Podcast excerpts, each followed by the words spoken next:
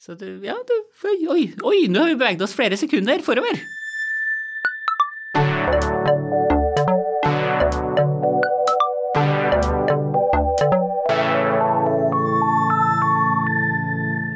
Hei og velkommen til 13. episode av Kalkulus med Anne og gjengen. I dag har jeg fått besøk av en fysiker, og vi skal snakke litt om hvordan flervariable funksjoner dukker opp i fysikken. Og det medlemmet av gjengen min som jeg har fått med meg i dag, er Are Rakløv. Velkommen hit. Tusen takk for det. Jeg ble jo litt bekymra nå. Det var 13 eh, sånn uhellstall her. Så Ja, vi får se litt hvordan det her går, da. ja vi får se. Eh, eh, kan ikke du fortelle litt om deg selv? Ja, um, så er jeg professor her på UiO, på Fysisk institutt. Jeg er professor i det som heter for teoretisk fysikk. Ehm, så det vil vel kanskje da si at jeg er litt over gjennomsnittlig matematikkinteressert i forhold til en vanlig fysikkprofessor, som nok allikevel er ganske matematikkinteressert, altså. Men ehm, jeg er ikke utdanna her. Jeg tok doktorgraden min i Bergen, eh, og så gjorde jeg det som, ja, det som tilsvarer mastergrad, da, eh, som het hovedfag den gangen, i Trondheim. Og så mellom det her så har jeg vært en del i utlandet, vært på stokk forskjellige plasser. Så jeg har vært eh, et par år i Cambridge og et år i Stockholm. Ja.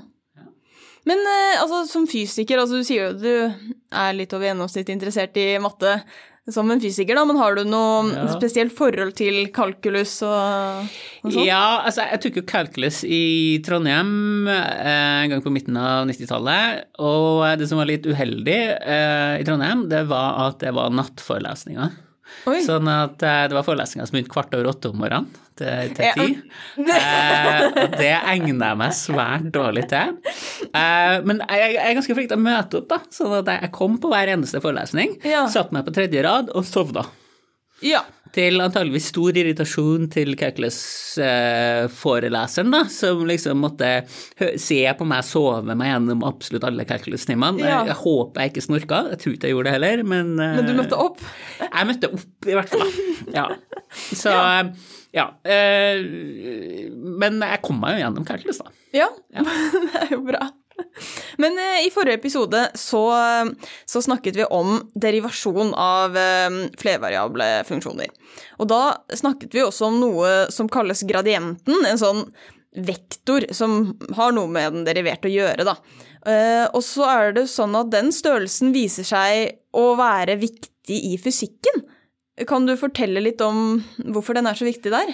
Oi, ja, eh, der er det veldig, veldig mye å si. Jeg vet ikke om vi kanskje skal minne litt på hvordan gradienten ser ut, da. Men, men som du sa, så er jo en jo på en måte en vektor. Mm. Den er også noe vi ville kalt, i hvert fall fysikerne ville kalt for en operator.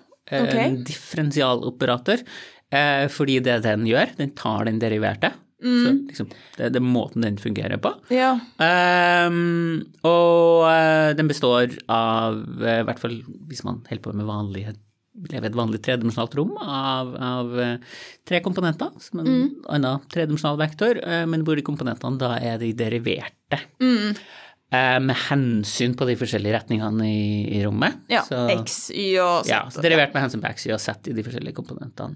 Så den eh, er da nyttig fordi at den sier noe om hvordan den funksjonen du ser på, oppfører seg i den bestemte retninga. Sånn at fordi at eh, den deriverte med hensyn på x står i den første komponenten av vektoren, altså i x-retninga i, i rommet, så forteller den deg hvordan funksjonen endrer seg i den retninga. For mm. du tar ddx, du deriverer med hensyn på x. Så, og, og, det å, vi- og det å vite det er jo da kjempenyttig i fysikken. Ehm, kanskje det mest sentrale er noe av det første man lærer. Det er forholdet mellom en kraft, sånn i, i Newtons lover, og et potensial. potensiale. Ja. Ja. Potensialet, det var, må- hva var det igjen? Ja, eh, så det potensialet er jo da den potensielle energien til noe, sier vi ofte. Ja. Eh, Sjøl om begrepet er egentlig litt mer generelt enn det, men, men det, det, det der det liksom lønner seg å begynne å tenke på, da. Ja. Så eh, du vet jo at, at um, Du kan endre potensiell energien til noe ved å drive og løfte på det og plassere det forskjellige plasser. ikke sant? Ja, for det er det derre der, eh, Hvis du løfter en ball, og så slipper du den Ja. ned, også hvis du løfter den litt høyere opp ja. Så hvis ballen ligger på gulvet, da, Mm. så har den ikke noe potensiell energi i forhold til gulvet, sier vi. Den har null potensiell energi Ja. nede. Og så setter hun den på bordet, og da har den litt mer potensiell energi. Mm. Um, og så holder den lenger opp, så har den mer potensiell energi. Og så kan, kan den potensielle energien da, det kan eh, forvandles til kinetisk energi, til bevegelsesenergi, eh, hvis du slipper den og den detter ned på, på Mm. Ja. gulvet igjen. Så alt der er, er, er bevaring av energi. Og eh, potensialet da er, er hvor høyt du er, sånn at du kan se på potensialet som en funksjon av eh, av posisjonen din, det er altså hvor høyt oppe i rommet du er i, i forskjellige pos posisjoner i, i rommet. Ja. Så hvis du på Hvis du er der bordet er, så har du et høyere potensial, fordi at da er en høyere opp i, i rommet. Og um, du kan eh, og, og, og hvis du da ja, kanskje enklere å tenke på det her hvis, hvis ikke alt er liksom sånn, sånn harde kanter med sånn bord og sånt, men at du har med sånn bakker og ting en kan rulle i og sånt, da. Så, så vil eh, gradienten til potensialet fortelle deg hvilken vei du kommer til å rulle. Altså hvilken vei krafta eh, på ballen virker, hvis du slipper den. Ok, altså som et sånt terreng kan være sånn, sånn faktisk en, en sånn fjell fjellkjede, da. med Ja, det er sånn det en fin ting å se for seg. ikke sant? Det er en sånn fjellkjede, og så har du en litt stor ball som du lar som rulle ned en bakke eller noe Ja. sånt. da. Eh, og, og hvis du ser på formen til fjellkjeden, som, den, som det er potensialfunksjonen din, da, Ja, som, en, som funksjon, ja, på den måten at den, den har én utputtverdi, som bare er den potensielle energien, ja. og så har den flere inputverdier, som er koordinatene, altså hvor du er hen, eh, på jordoverflata eller, eller, eller whatever.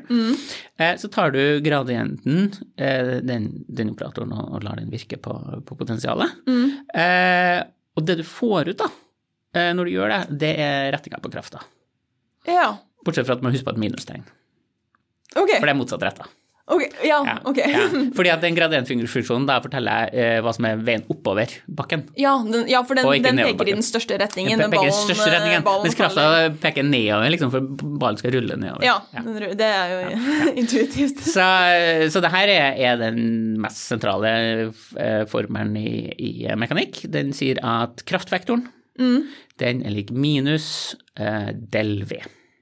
Og del Ja, er gradienten, da. Det er, Ja. det er det vi kaller gradienten, vi, Ja. vi som er skikkelige fysikere. Ja, ok. ja. Eh, men, men eh, hvis man ikke husker det her, da, så er det det symbolet som er en opp-ned Trekant, ja. Mm. Med en pil over. Ja. Ok, men så dette kan man jo på en måte veldig godt se for seg, da. At det gir veldig mening. Så det er ikke så Altså Nei, det, det, og, og det jeg tror det er veldig godt utgangspunkt å, å begynne å tenke på det. Og så, og så se for seg disse fjellkjedene og denne ballen som uh, kommer til å rulle en eller annen vei da, på, Ja. på, på, på grunn av det her. Eh, men det er mye mer generelt enn det. Ja. Eh, vi kan snakke om potensialer for ting som ikke har noen ting med fjellkjeder å gjøre i det hele tatt. Vi snakker jo også om et eh, elektrisk potensial, f.eks. Ok. Når vi ser på hvordan en ladd partikkel beveger seg, så er den i et elektrisk potensial. Og, og der kan du på samme måte finne eh, krafta ved å bare eh, la del, eller gradienten, da, eh, virke på, på potensialfunksjon. Og det her er noe som gjelder for absolutt alle såkalte konservative krefter, altså krefter som bevarer energi. Ja. Så den gradienten viser hvordan enten ballen faller ned eller partikkelen beveger seg, da. Ja, hvis det er man- liksom Den, den, den retninga for økende potensial, da.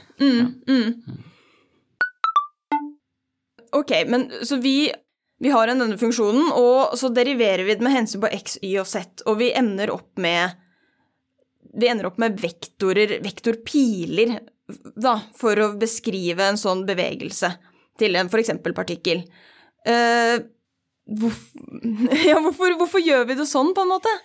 Ja eh, eh, du, kan, du kan ta en lett lærerbeskrivelse, ja, men det er fordi at det er sånn vi alltid har gjort det og skal gjøre det, osv. Så, videre. så kan man tenke litt mer eh, filosofisk på det. Okay. Det kan være litt interessant. Det er jo sånn at veldig mange problemer vi regner på i fysikk, og spesielt dem man først lærer seg å regne på, kanskje på videregående også, når man begynner på universitetet, kan forenkles, sånn at man slipper vektorer i det hele tatt. Å ja. Ja, fordi at eh, Det er jo sånn at hvis, hvis, eh, hvis det er en kraft som virker på deg i en bestemt retning, så vil ikke den krafta ha noe å si for noen eh, retninger som er vinkelrett på det. Ok. Ja, det er, det er Newtons eh, andre lov, det her at krafta er lik massen ganger akselerasjonen. Ja. Og, og det er en ligning mellom vektorer. Krafta kan være en vektor, akselerasjonen en vektor. Ja.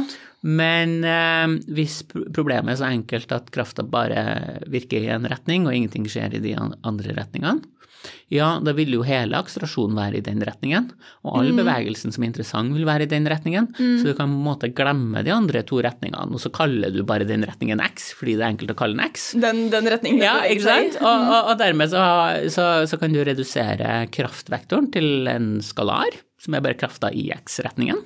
Ja. Eh, positiv hvis den er i positiv x-retning, og negativ hvis den er i negativ x-retningen. Og på samme måte så blir akselerasjonen enten i positiv eller negativ x-retning.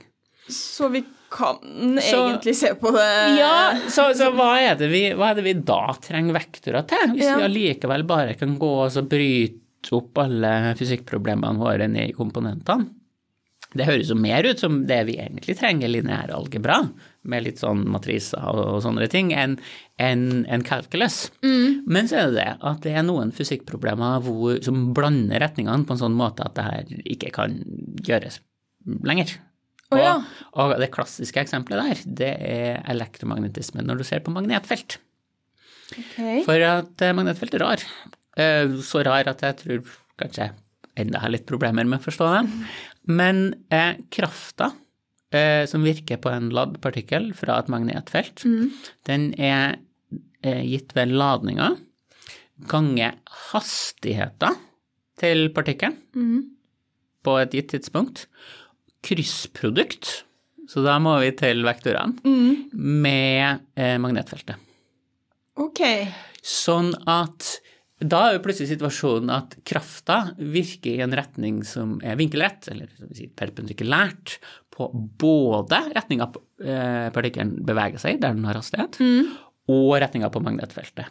Så det blander sammen alle mulige retninger, og du, du sitter igjen med noe som er en, en eh, vektorligning som du ikke sånn rent trivielt bare kan bryte opp. Ja. så, så da er du faktisk nødt til å regne med vektorer. da. Ja, så, så, nå, dette er på en måte at det du sa i stad om at noen ganger så virker kraften altså den, den, den akselerasjonen går i én retning, og den gjør ingenting med de andre retningene. Men i dette tilfellet så stemmer ikke det. Nei, for det her er sånn at hvis du har en ladd partikkel som er på vei et eller annet sted, og så setter du på et magnetfelt, da vil den ladde partikkelen bøye av fra den retningen den kom fra. Ja, Den vil faktisk ikke endre sin energi på noen som helst måte, men den vil endre retning. ja. Ja. Og da er du nødt til å regne tredimensjonalt, du er nødt til å regne med vektorer. Ja, du kan ikke ja, dekomponere det, da, i disse forskjellige retningene? Ja, du kunne ha dekomponert det, men det du får da, er et stort sett med, med ligninger som du må løse simultant, og det er ikke så veldig enkelt ofte. Så, så det kan lønne seg liksom å gjøre det her ved hjelp av vektorer. Ja, så det er, eh, det er nyttig å lære seg å bruke vektorer. Ja. Og da er vi jo også på full fart inn i, inn i et område hvor det er vektorer overalt i fysikken. Og det er det som heter Maxwells ligninger. Mm, ja, det er de Åh, det, er sånn, det er sånn folk kommer, går rundt med på T-skjorter. Ja, altså alle fysikkstudenter med respekt for seg sjøl har en sånn T-skjorte med ligninger på. Ja. Ja, og så bruker jeg erte dem av og til da, med at de kan skrives mye enklere enn de skrives på, på, på T-skjortene deres. Men, mm. men de har nå disse ligningene, det er fire av dem, og de forteller deg eh, i alle situasjoner hvor, hva slags elektriske og magnetiske felter du får. Gitt at du vet hva slags ladninger du har, og hva slags strøm du har. ja.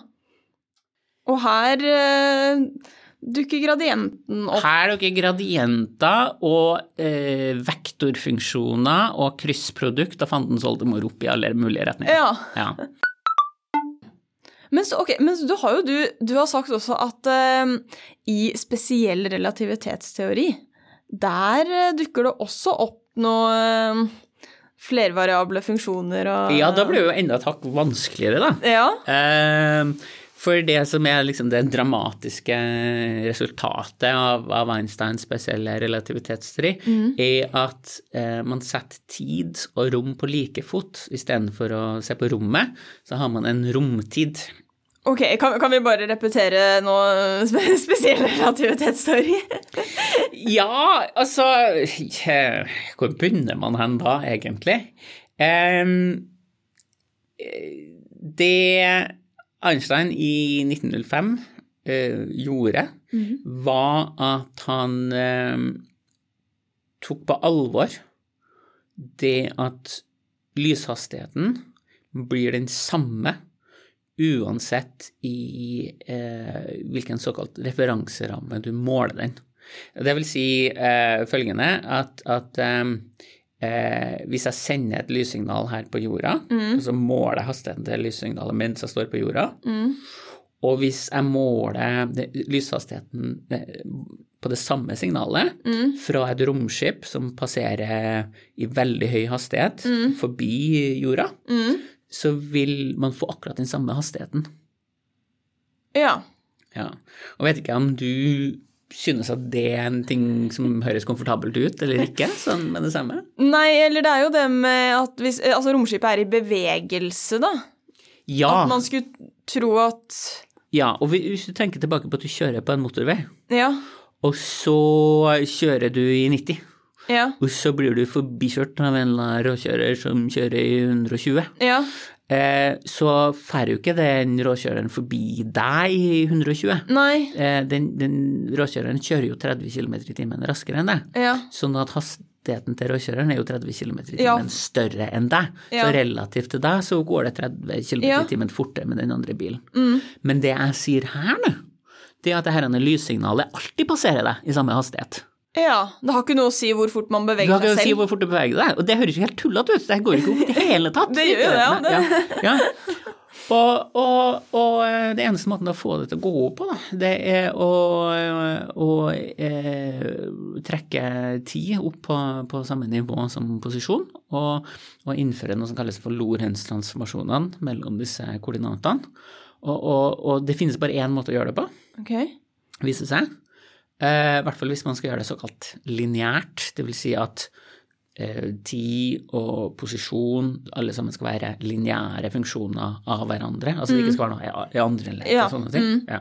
Så det det bare én måte å gjøre det på. Eh, og og um, det leder til sånn litt sånn rart univers, da. Blant annet så, så kan du ikke reise raskere enn lysets hastighet i det universet. Ja. Men for du mener nå på en måte at vi lager dette Vi lager et nytt uh, koordinatsystem eller noe Ja. med x, y, z og t. Og T i tillegg. Ja. Og dette her er jo veldig rart, siden vi Jeg kan jo ikke se for meg denne T-retningen sånn i rommet. Nei, litt intuitivt det er litt vanskelig, men, men eh, prøv å tenke på det følgende, da. Hvis du bare sitter helt i ro, Mm. ja, så beveger du deg i T-retninga. Her du sitter nå, beveger du deg fremover i T-retninga. For tiden går. Ja. Så det Ja. Så du Ja, du Oi, oi, nå har vi beveget oss flere sekunder forover. Ja. Det virker veldig rart. ja men det her er fullt akseptert fysikk. Eh, når du blir vant til det, så syns du ikke det at det er så eh, vanskelig heller. Nei. Men eh, det fører jo til en ekstra koordinat, da. Eller det fører til at disse tingene som vi tidligere Vi snakka ofte at funksjoner var avhengige av tid og sånt, da. Så, så du, så blir, du blir plutselig alt sammen avhengig av eh, tid og, og rom og samtidig og huff. Ja. Mm. Ja. Så eh, fysikere løser det her da med å innføre en ny type vektor. Ok. Ja. Eh, såkalt firervektor. Så det er en vektor med fire komponenter. Eh, og, og tradisjonelt, da, i hvert fall i, i min bit av fagfeltet, så setter vi tida først. Ja. Før x, y og z. Ja. Ja. Det er viktigst, på Ja, en måte. ja, og så setter vi den ikke som første komponent, da. Vi setter den som nullte komponent. Oh, ja. Ja, så vi er litt sånn programmerere på en måte. Vi, Ja. eh, vi putter den i, i null. Så nullte komponenten er tida. Og så har vi x, y og z på plass 1, 2 og, 3. Det kalles en firevektor. Eh, og den er da eh, ikke en vektor. Det er en firer.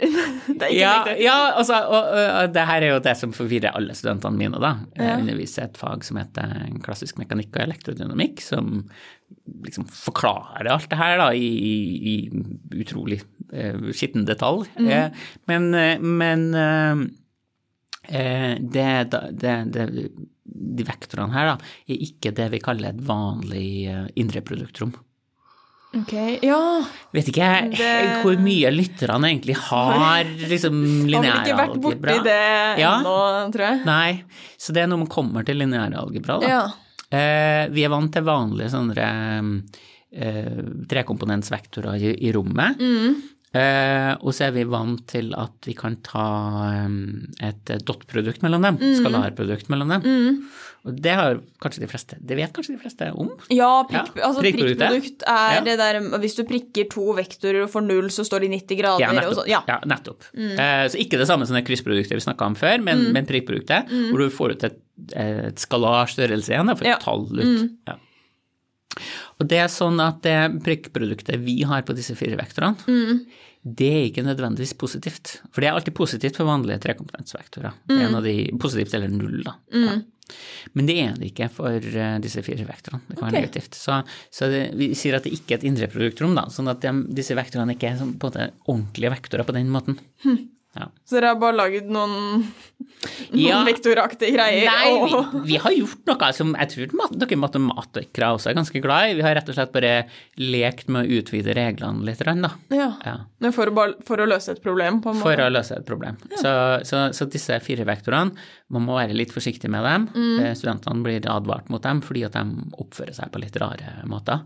Eh, Det her med, med det her rare prikkproduktet, det fører f.eks. til at hvis du tar lengden til en sånn firervektor, Mm. så er ikke den nødvendigvis positiv. Den kan være negativ. Det høres veldig rart ut. ja. Ja. Så, eh, og, men, eh, men eh, vi generaliserer i, i vilden sky, sånn at vi, vi generaliserer til og med gradienten. Så vi har en firergradient. ja. Ja. Og den har da i tillegg til den deriverte med hensyn på x, y og z, så har den deriverte på t. Ja. Så, så du kan jo egentlig si at, at det fysikere sier at det fysikere elsker, er jo bare å gjøre ting vanskeligere og vanskeligere. men, men nå er det heldigvis sånn at vi vanligvis stopper der, da. Mm. Ja, ikke sant? Fordi at vi har ikke noe flere dimensjoner å leke oss med. Nei. Nei, så x, y og z og t, liksom. Det holder. det holder. Ja. Ja. Men eh, så har jo Altså, vi snakket jo litt eh, på forhånd om eh, hvordan ja, disse flervariable funksjonene dukker opp i fysikken. Og da nevnte du kvantemekanikk. ja. Og det er jo Ja. Hva er kvantemekanikk, og hvordan dukker dette, hvordan dukker dette her opp der?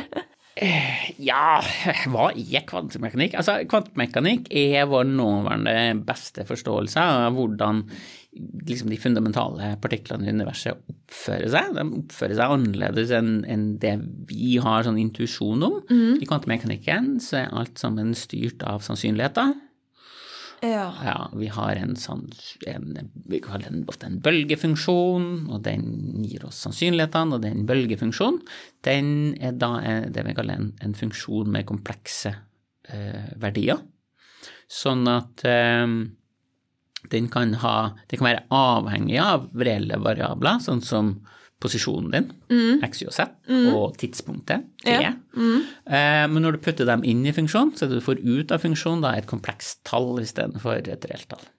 Ok, men fordi altså, komplekse tall vi har, vi har hatt en episode om det, og de er der, og vi har brukt det til å på en måte løse ligninger, men jeg kan jo ikke se for meg et, hvor, et komplekst tall. Eller hva, hva gir den verdien, på en måte? Hvordan hvis svaret ditt er et komplekst tall Ja, så, eh, så det som skjer i fysikken, da, er at vi tar absolutt verdikvadratet av alle disse komplekse tallene, så vi får ut reelle tall. Ja! Og da kan vi snakke om sannsynlighet. Altså lengden til et komplekst tall. Ja, altså det er lengden av sånn- komplekse tallet. Men, men disse, så vidt vi vet i hvert fall, så er disse komplekse tallene der, altså, altså eh, verden vår er faktisk skrudd sammen av dem. Komplekse tall? Ja. Eh, sånn, sånn type snedig i hvert fall. Ja. Nå er ikke fysikere helt enige om hva alt det her betyr, da, men vi er veldig enige om hvordan vi skal regne på det. Ja. Så matematikken er på en måte mer eller mindre grei, men, men, men betydninga er litt mer omdiskutert. ja. Nei, men jeg, jeg tenker vi kan eh, gi oss med fysikken eh, nå, jeg.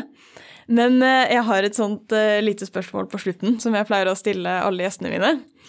Eh, og det er at hvis kalkulus var et dyr, hvilket dyr ville det vært? Oi Ehm, Jeg ser for meg kalkulus som en litt stor, men vennlig elefant. Eh, Det er veldig gøy. Jeg har to gjester som har sagt det oi, før. som har, eh, ja, kanskje, kanskje kalkulus bare én elefant? Eh, Ja, Det virker jo nesten sånn nå. Det har liksom veldig mange sånne deler, ikke sant. Den har en hale der nede som vifter, og så har den noen store ører og sånne ting. Og så er den litt sånn stor og vanskelig å håndtere og sånt, og det er liksom mye å, å gape over, men den er egentlig ganske vennlig. Men jeg skjønner ikke hvor det med vennlig kommer En elefant er jo ikke vennlig. Jo, jeg vet ikke det da. De er jo ganske snille mot mennesker øh, vanligvis, Ja, hvis, det er hvis du ikke plager dem. Ja, jo, Ja. kanskje det. Ja. Og kalkulus er også vennlig, da? Er Ja, det det du Det, det er veldig nyttig, da. Ja. Ja. Ja, men uh, veldig For en fysiker, i hvert fall. Ja, veldig bra svar, og takk for at du var eh, gjest i podkasten. Takk for invitasjonen, veldig hyggelig. Og til deg som har eh, hørt på enda en episode, tusen takk, og så høres vi igjen til neste uke.